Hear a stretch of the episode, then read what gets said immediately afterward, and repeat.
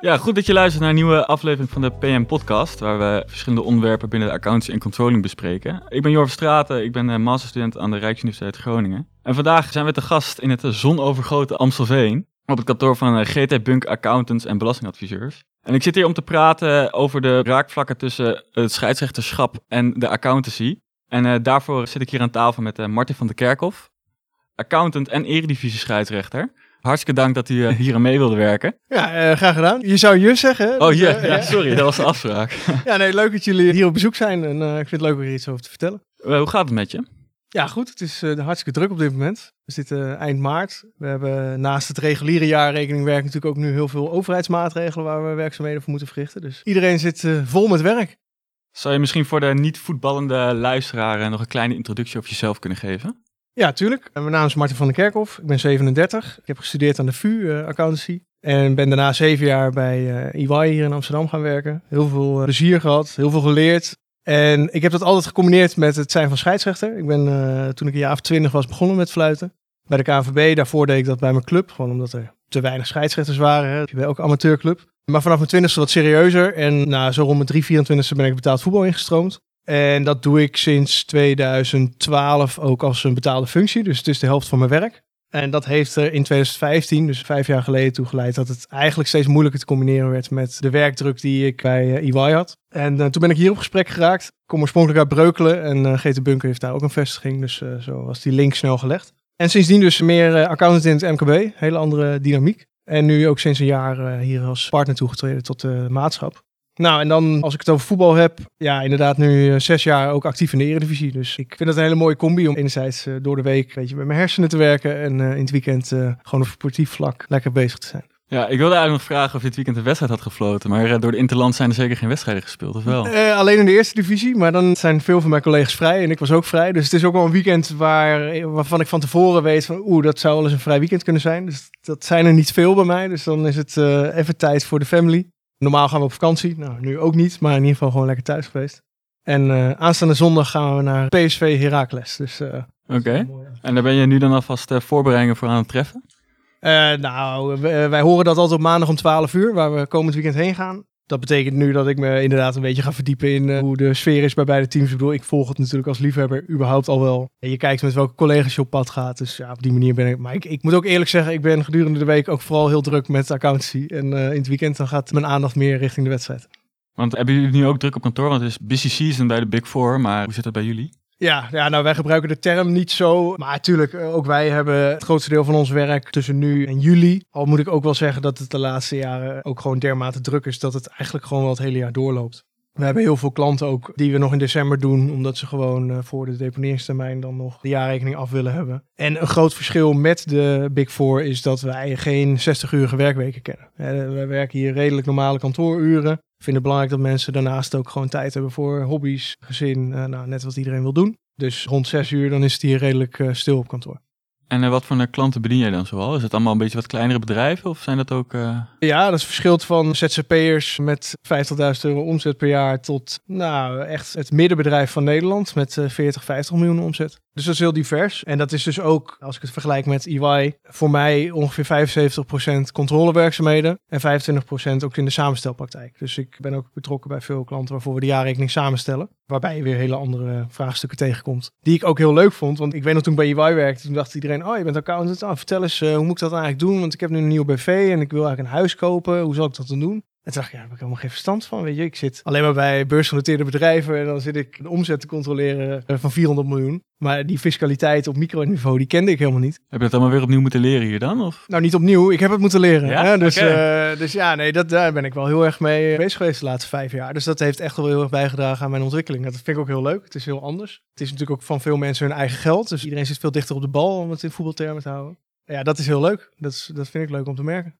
Ben je hier meteen ook als partner binnengerold? Of? Nee, nee. Ik heb vier jaar hier gewerkt en ik ben 1 januari 2020 dan partner geworden. En je vertelde al dat je aan de VU had gestudeerd. Ben je daar nog actief geweest bij een uh, studievereniging? Zeker, ja. Ja, ik weet niet of het helemaal een zustervereniging is, maar ik zat al bij Aureus, dat is de studievereniging uh, van de VU, van de faculteit van Economische Wetenschap en Bedrijfskunde. Daar heb ik uh, in mijn tweede jaar een bestuursjaar gedaan. Ben daar heel actief geweest. Studiereizen gedaan, een jaartje in de redactie faculteitsmagazine. Dus daar heel veel plezier mee gehad. En uh, ja, ook uiteindelijk wel via die weg bij EY terechtgekomen. Want EY was de hoofdsponsor, deden we heel veel activiteiten mee. Dus dat ging allemaal heel uh, vloeiend in elkaar over. Dus ja. Heb je ook veel geleerd tijdens je bestuursjaar?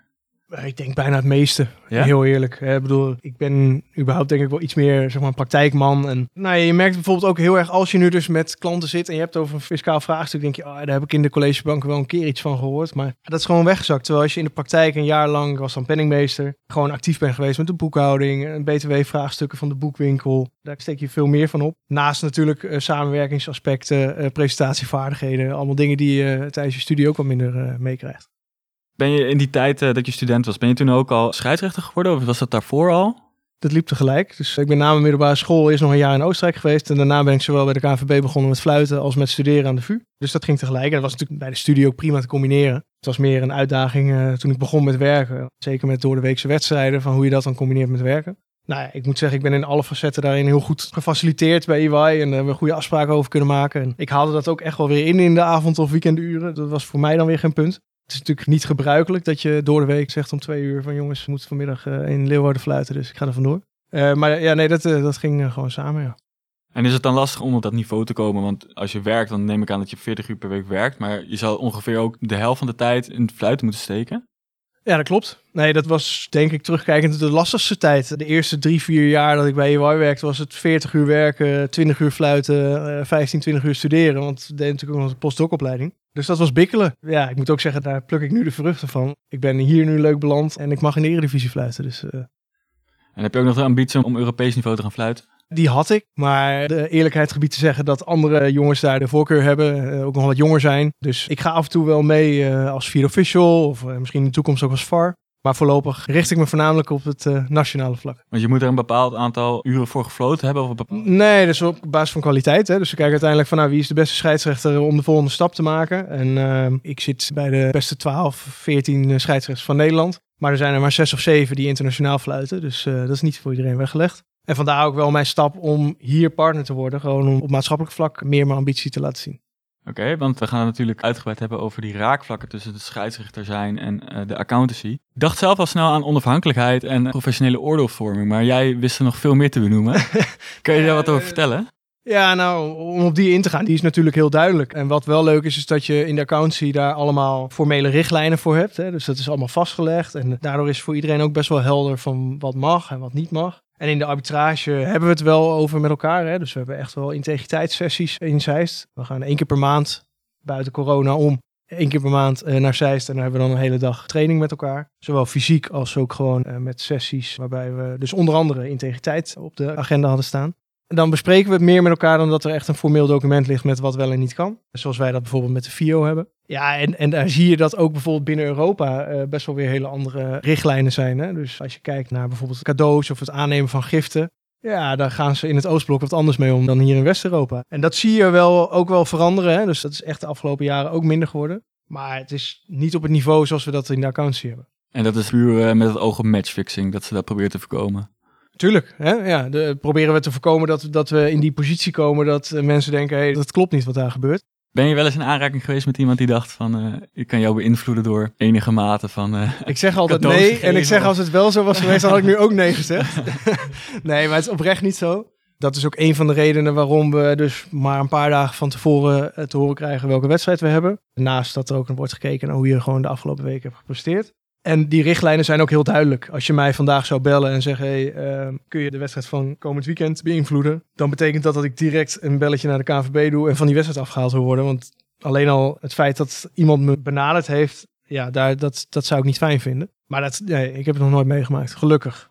En het is ook voornamelijk, hè, als je dus kijkt naar de, de opleiding die wij krijgen, is het ook voornamelijk, je wordt niet zomaar gebeld. Hè, je wordt eerst in een chantabele positie gebracht voordat ze zoiets doen. En dan moet je toch vaak denken aan iets met vrouwen, iets met gokken, schulden. Ja, dat zijn situaties waarbij in de praktijk is gebleken dat scheidsrechters toch uh, ermee ingestemd hebben. Dus probeer je van tevoren al te voorkomen dat je in zo'n positie komt. Ja, hè, ik ben me heel erg bewust van met wie ik op de foto ga. En dat klinkt heel absurd, maar dat, dat is echt zo. Dat is, en dat, is, dat houdt niet op rondom het stadion. Hè. Ik ben me gewoon 24 uur per dag bewust van de functie die ik heb. Want het staat 100% groot in de krant als scheidsrechter Martin van der Kerkhof iets heeft gedaan wat niet kan. Denk je daar dan ook over na bij het aannemen van klanten? Mm, nee. Wat ik zeg, daar heb ik ook strenge richtlijnen die ik ook volg. Dus als ik daar dingen zou zien die niet passen volgens wet en regelgeving, zou ik dat ook afhandelen zoals het hoort. En wil ik vooral voorkomen dat men denkt dat ik daaraan heb meegewerkt.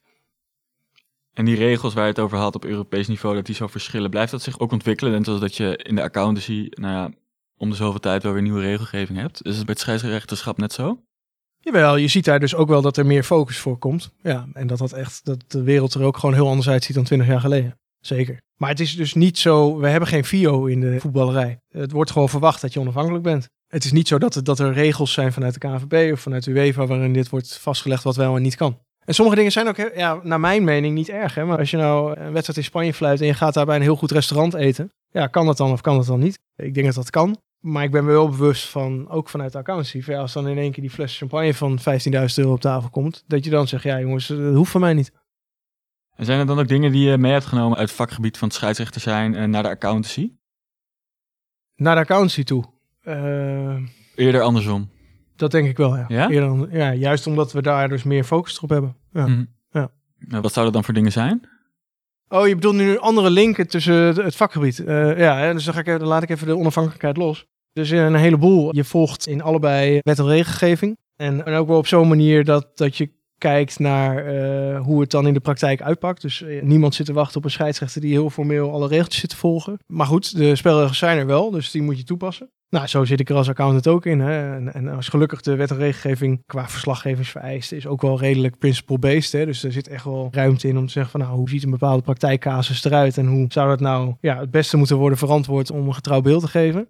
Maar je hebt wel gewoon met een boek te maken waarvan je vooral de interpretatie uh, goed moet toepassen. En een ander heel duidelijk raakvlak, ja, jij noemt teamwerk. Ja, dat, dat is ongelooflijk belangrijk natuurlijk, zowel in de accountancy, waar ik ook elke dag opnieuw van geniet. Ik vind het mooiste van de accountancy, vind ik het werken met mensen. En die cijfertjes, dat zijn maar, uh, ja, dat is bijzaak. Dat is het onderwerp waardoor we met klanten en met collega's in gesprek raken. Maar ik vind het leuk om elke dag weer bij te dragen aan de ontwikkeling van collega's. En ook te zien hoe zij mij soms weer nog steeds verrassen. Ja, en datzelfde geldt in de arbitrage. Hè. Daar hebben we, uh, zeker nu we communicatie hebben, we hebben hele duidelijke afspraken met assistenten, met de field official, met de VAR die we tegenwoordig hebben. Over hoe we met elkaar willen communiceren en in welke situatie zich wel bemoeien met de situatie en wanneer vooral ook niet. Dus we doen het niet meer alleen en dat vind ik heel, heel leuk. Dus het teamwerk is absoluut iets wat, uh, wat bij beide samenkomt. Nou, en daar is natuurlijk communicatie heel belangrijk. Nou, wat ik dan bijvoorbeeld vanuit de arbitrage weer meeneem naar de accountancy is lichaamshouding, intonatie van je stem. Dat je veel meer gebruik maakt van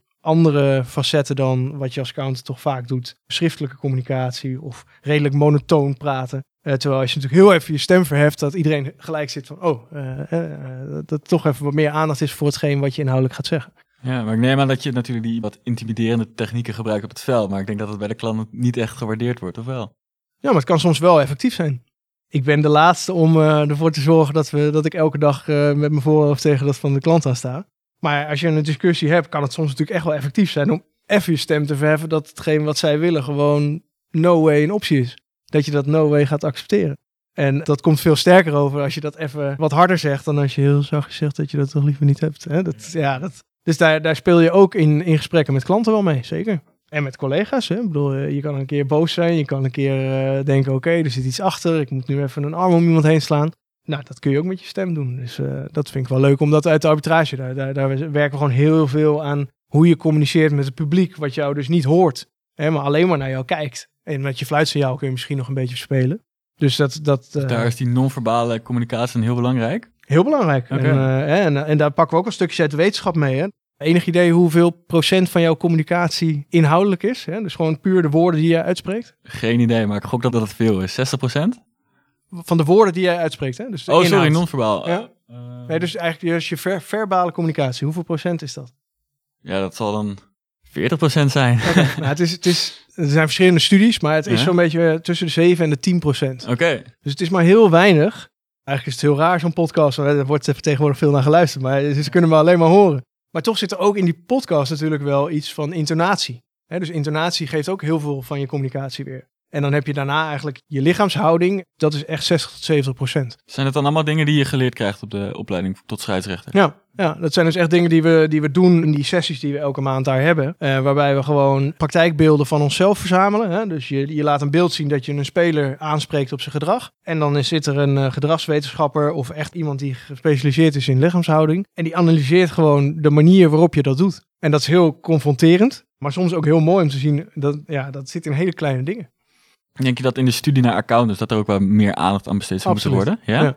Ja. Dat er te weinig aandacht aan besteed wordt? Okay. Ja. Ik heb op de vuur heb ik één keer een maand lang een soort uh, tussenblok gehad, weet ik nog. Waarin het ging over discussie- en presentatievaardigheden. En ik vond dat echt de mooiste maand die er was. Oké. Okay. Maar ik was een van de weinigen in de klas die dat vond. En uh, het was zelfs zo erg dat ik op een gegeven moment mocht je zelf een onderwerp kiezen om te presenteren. En toen nam ik dus de houding van de klas als onderwerp. En zeg hoe jullie hier de hele maand erbij zitten. Terwijl volgens mij dit echt zo essentieel is voor de rest van je carrière. Dat vind ik ongelooflijk. Dat jullie hier niet veel meer instoppen. Nou, iedereen zat gelijk zo, wat zegt hij nou?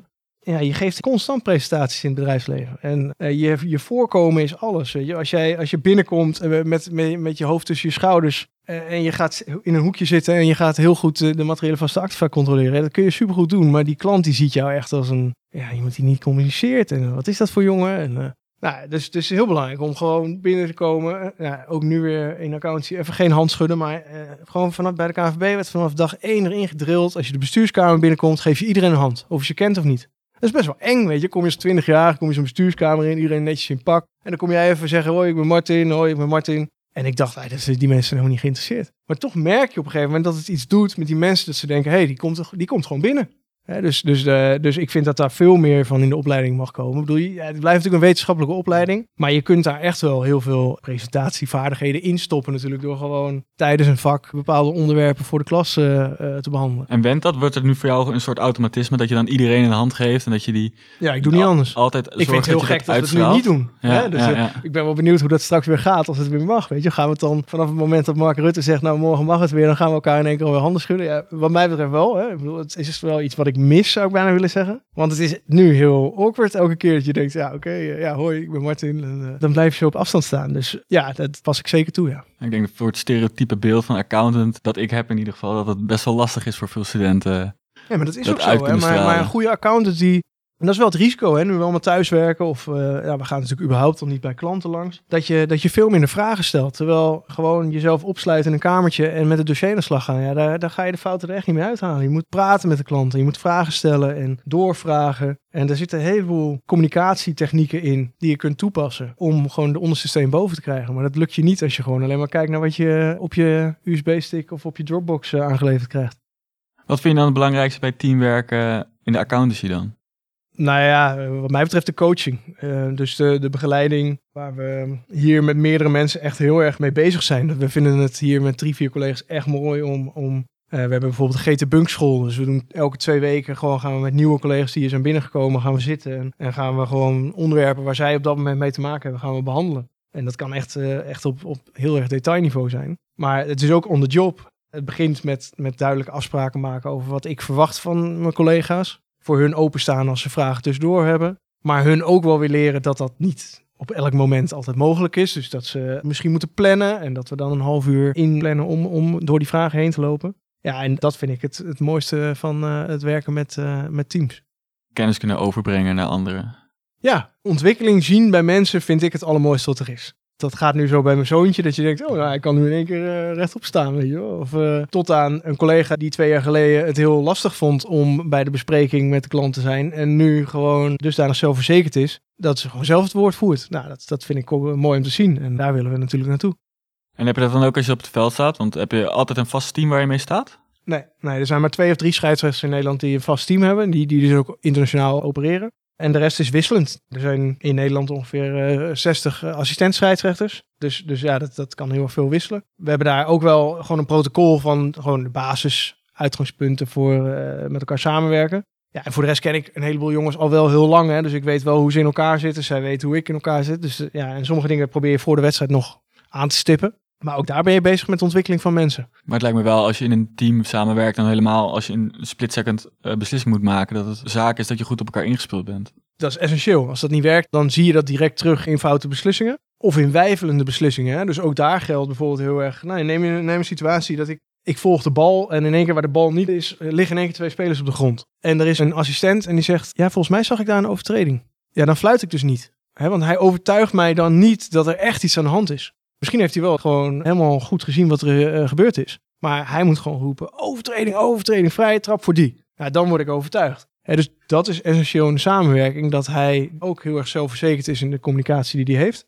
Dat het heel kort is. Dus hij moet ook niet zeggen, nou, er werd vastgehouden en toen duwde die andere nog, maar ze vielen wel. Dus ik denk dat je nu een overtreding... Dat is ook veel te lang. Het, het moet allemaal heel kort, bondig, krachtig daar trainen we ook constant op. En dat gaat echt niet altijd goed. En dan spreken we elkaar er weer op aan. Weet je, dat, dat, er is best wel open feedback naar elkaar na, in de rust en na de wedstrijd. Om die prestatie de volgende keer weer beter te maken. Maar is het dan juist niet zaak dat je altijd een vast team hebt een heel seizoen? Nee, tuurlijk, dat, dat zou optimaal zijn. Alleen dat is logistiek gewoon niet te doen. want dan is de ene geblesseerd. Ja, en dan heb je een, een, half team. En wat doe je dan? Ja, dan moet je iemand uit een ander team trekken. Of iemand gaat op vakantie. Ja, weet je, je hebt altijd mensen die gewoon in het weekend niet beschikbaar zijn. Dus dat is gewoon logistiek niet te doen. Ik kan me voorstellen dat je als scheidsrechter ook heel veel kritiek over je heen krijgt. Hoe ga je daarmee om?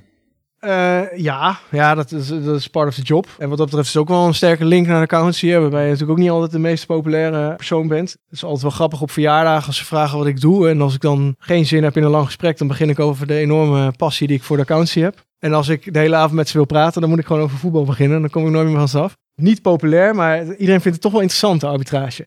Ik moet wel zeggen, naarmate je ouder wordt, raakt het je gewoon steeds minder. In het begin las ik het ook nog wel en dan dacht ik, jeetje, waarom vinden ze dat? En nu heb je misschien ook wel weer meer, uh, ja, überhaupt, zeg maar, als je ziet natuurlijk hoe ongenuanceerd er op Twitter wordt gecommuniceerd over Jan en Alleman, kan ik dat heel goed plaatsen. En boert er eigenlijk maar één ding en dat is wat ik zelf van die wedstrijd vond. Hm, maar lees je dat dan ook nog wel eens, wat ze dan over je schrijven op Twitter? Nou, Twitter lees ik niet heel veel, maar ik, ik kan uh, wel uh, bijvoorbeeld lezen wat er onder bepaalde artikelen staat. Hè. Dan heb je soms een forum of zo. Maar dat vind ik meer interessant om te zien dan dat het me raakt. Uiteindelijk gaat het er mij alleen maar om, had ik een andere beslissing moeten nemen en had ik hem op een andere manier moeten nemen dus was één gewoon de beslissing feitelijk goed of niet? Was het een penalty of niet? En als ik al een penalty gaf, gaf ik hem dan op een manier die heel gedecideerd was? Of zat er toch een greintje twijfel in? En waardoor kwam dat dan? Stond ik niet op de goede positie? Dus je gaat veel meer inhoudelijk je eigen prestatie analyseren dan dat ik denk, wat zal heel Nederland van vinden? Dat vind ik eigenlijk niet heel interessant meer. Maar ja, wat je dus eigenlijk mee wil geven is dat het omgaan met kritiek is gewoon niks van vinden of er niet naar kijken. Maar het moet wel in je zitten, hè? Het is heel moeilijk. Ik heb wel eens een, uh, een oud collega van me gehad die in een hele andere setting heel veel over zich heen kreeg vanuit social media. En die, die appte mij en die zei, ja, jij maakt dat waarschijnlijk ook mee, maar hoe ga je daarmee om? Ja, het is natuurlijk heel lastig als het iemand heel hard raakt, om dan te zeggen, ja, maak je niet druk om. Ja, dat is een nutteloos advies, want je weet gewoon dat dat iemand wel raakt. En het is altijd vervelend om te lezen. Het is altijd leuker om te zeggen dat, hey, die scheidsrechter was echt goed. Dat is toch leuker dan dat ze zeggen, ja, wat doet die gozer daar? En die moet ze gewoon eh, een jaar in zijn hok stoppen en niet meer op die velden te loslaten. Maar uiteindelijk waait het en het waait over. Hè. Social media is ook heel snel, dus het blijft zelden heel lang bij één persoon hangen. Dat heb ik toen meegegeven. Van, ja, het waait ook over. Het is gewoon kloten voor nu. Omdat je het als scheidsrechter vaak meemaakt, leer je ermee leven. Hè. Ik denk dat dat ook gebeurt met politici, hè, waar je soortgelijke geluiden hoort mensen die opiniemaker zijn en daarvan alles meekrijgen. Het, ja, het is absoluut niet mijn wereld. Ik vind het heel vervelend dat die mensen er zijn, maar kennelijk hoort het bij de wereld van 2021. Ik had ook begrepen dat je nauw betrokken bent geweest bij het proces van de implementatie van de VAR. Natuurlijk hebben er in de accountancy ook best wel veel ontwikkelingen voor gedaan, zoals continuous auditing en dat soort zaken. Kan je daar misschien dan ook nog verbanden tussen leggen? Nou ja, dat de wereld constant verandert dus dat je nooit rustig achterover kan leunen. En daar ben ik ook heel blij mee. Want als ik nog 20 of 30 jaar op deze manier door dan denk ik dat het ook heel saai wordt. De implementatie van de VAR is natuurlijk heel zichtbaar geweest. Daar hebben we ook een intensieve training voor gehad uh, gedurende de jaren dat het nog niet uh, live was. dus wij hebben echt offline, zoals we dat noemden, zitten oefenen met elkaar. Dan zaten we wel in een busje en dan zaten we gewoon van, oké, zouden we op dit moment ingrijpen? En wat zouden we dan communiceren? Zodat we al met elkaar bezig zijn van welke momenten er gaan komen. Dus wij wisten al van tevoren dat er heel veel discussie zou ontstaan, omdat we die discussie al met elkaar hadden. Van hey, jij grijpt er wel in, ik niet. Hoe kan dat? Wat waren jouw overwegingen? Dus je zag al, het is geen zwart-wit. Het blijft mensenwerk. En dat heb je in de accountancy ook. Hè? Dus uh, je moet constant bijblijven met vaktechniek. Ook met actuele ontwikkelingen op het gebied van IT. Uh, eh, ja, je werkzaamheden verricht je nu alweer heel anders dan tien jaar geleden. Dus ik zou alleen maar zeggen, ik ben blij dat dat zo is, want dat houdt mijn werk leuk. Jullie waren ook echt blij met de komst van de VAR?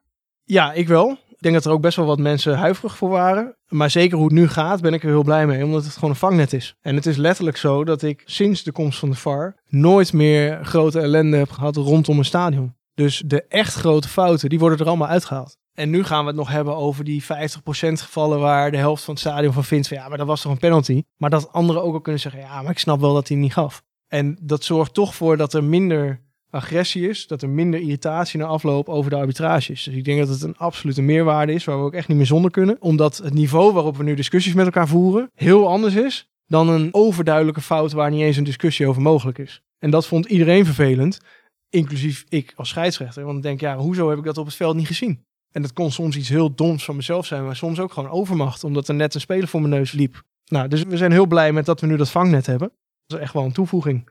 Kijk, er wordt natuurlijk wel altijd bijgeschaafd aan spelregels. We hebben bijvoorbeeld wel een actuele discussie over aanvallend hands. Waarbij we twee jaar geleden een spelregelwijziging hebben gehad dat het niet eens meer uitmaakte of het nou opzet was of niet. Maar als de aanvaller hem tegen zijn hand aan krijgt, ook al zit hij tegen zijn lichaam aan en hij scoort daarna, dan wordt hij afgekeurd. Want we zeggen van ja, je kunt gewoon niet scoren met je hand. Nou, daar komen ze nu wel een beetje van terug. Omdat het wel ook weer oneerlijk was als die net op je schouder kwam. Terwijl je helemaal geen rare positie had met je arm. Dus zo wordt er ook daar wel weer bijgeschaafd. Maar het zijn niet meer de grote spelregelwijzigingen die we twee jaar geleden hebben gehad. Want die, er zijn best wel een aantal gekomen juist vanwege de VAR. Omdat het veel duidelijker was waar te nemen waar nou die bal precies kwam. dus je kunt veel duidelijker zeggen, nou ja, als die onder je oksel komt, dan is het hens, daarboven niet. Ja, en, vroeger zag je dat helemaal niet in het veld. Weet je, dan, dan dacht je, nou, het was ongeveer hier. Nou, ik, ik fluit wel of ik fluit niet. het was net hoe die arm was. Waarom heeft het zo lang geduurd voordat er zoiets als de VAR is gekomen in het voetbal?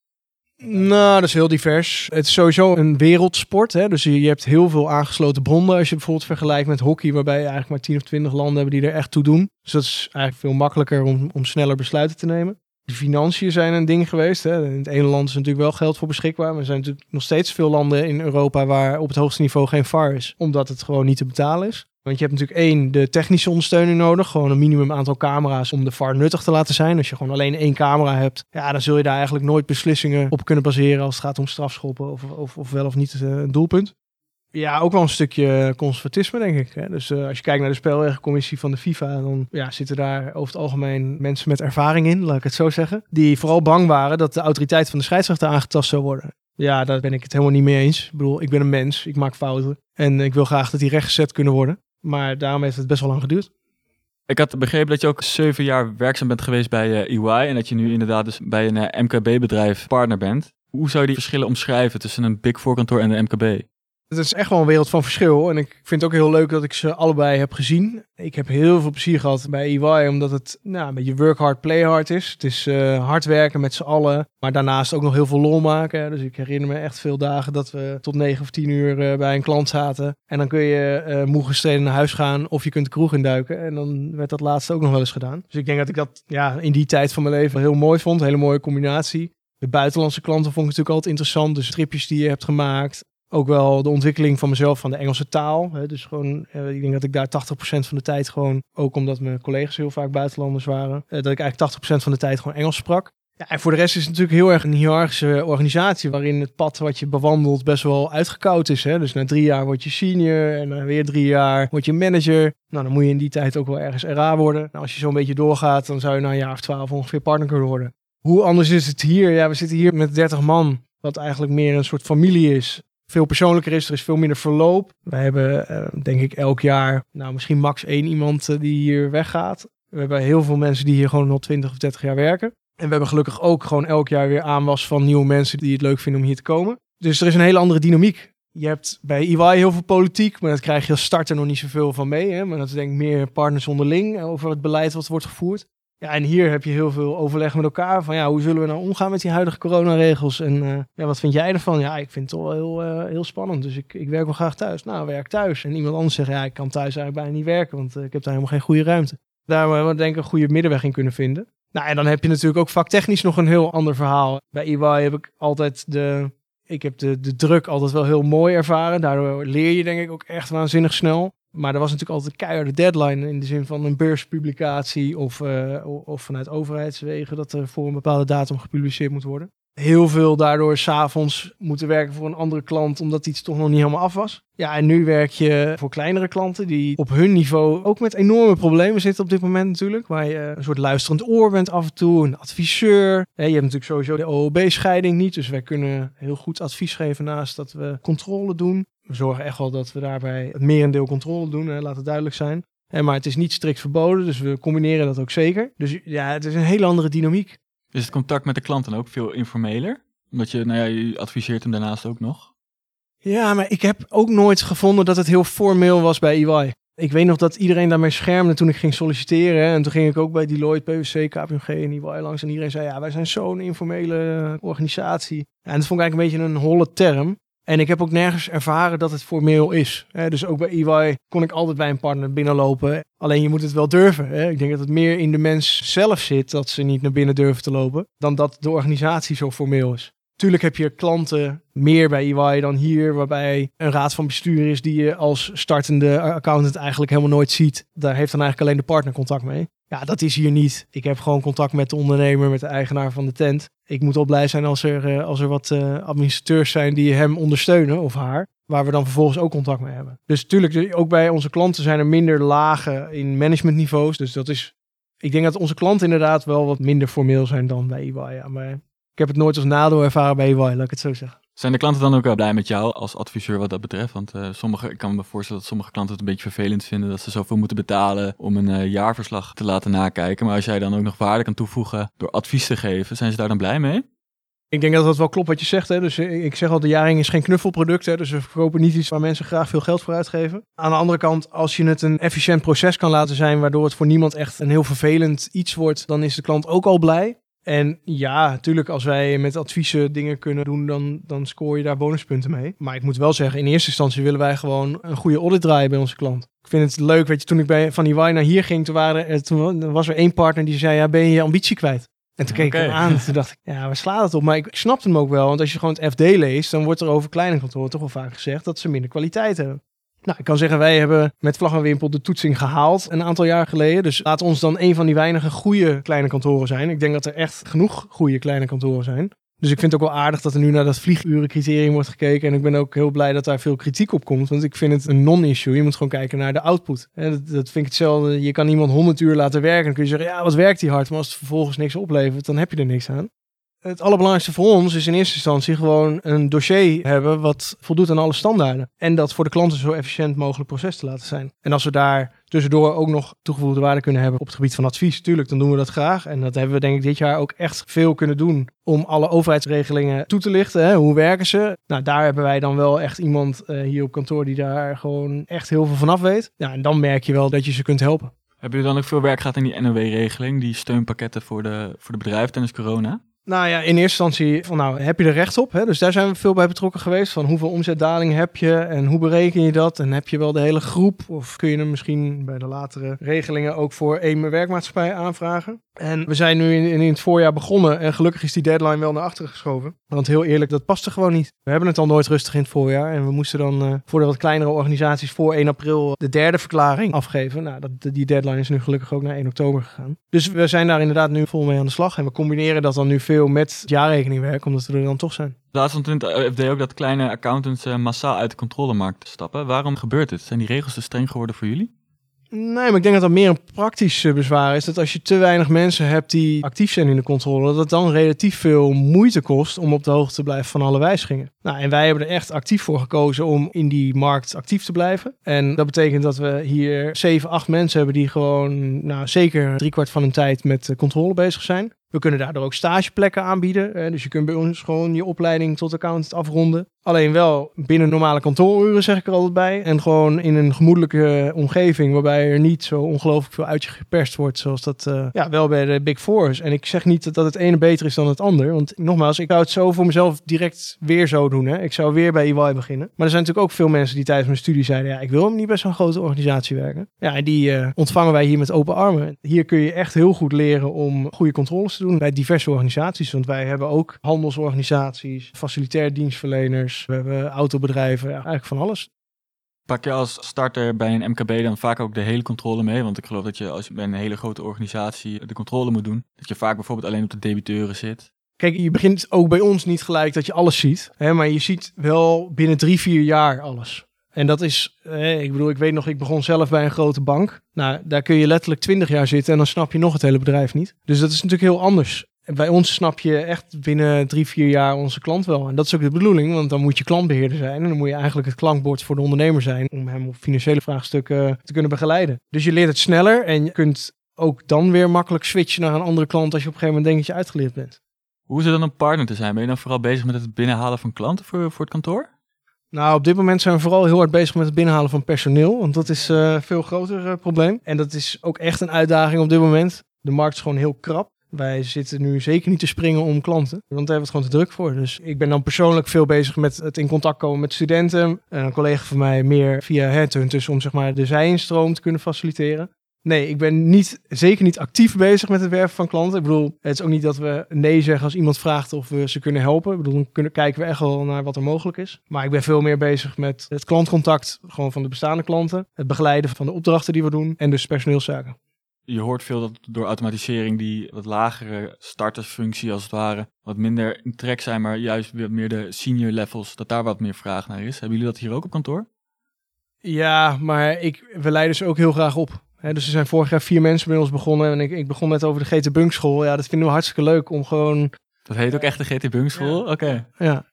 Daarmee proberen we ze uit te dagen om zelf met vraagstukken te komen. Dus ze hebben een factuur gezien waar BTW verlegd op stond. En toen dachten ze, ja, hoe moeten we hiermee en hoe zit dat? Nou, dan gaan we aan de hand van die factuur toch iets meer over de regelgeving rondom de BTW uitleggen. En zo doen we dat steeds op allerlei manieren ook waar ik het net over had, gaan ze ook uh, laten presenteren. Hè? Dus we dagen ze op allerlei manieren uit om ze te ontwikkelen. Dus het gaat naast elkaar. We willen heel graag weer starters en we willen ook heel graag mensen met werkervaring.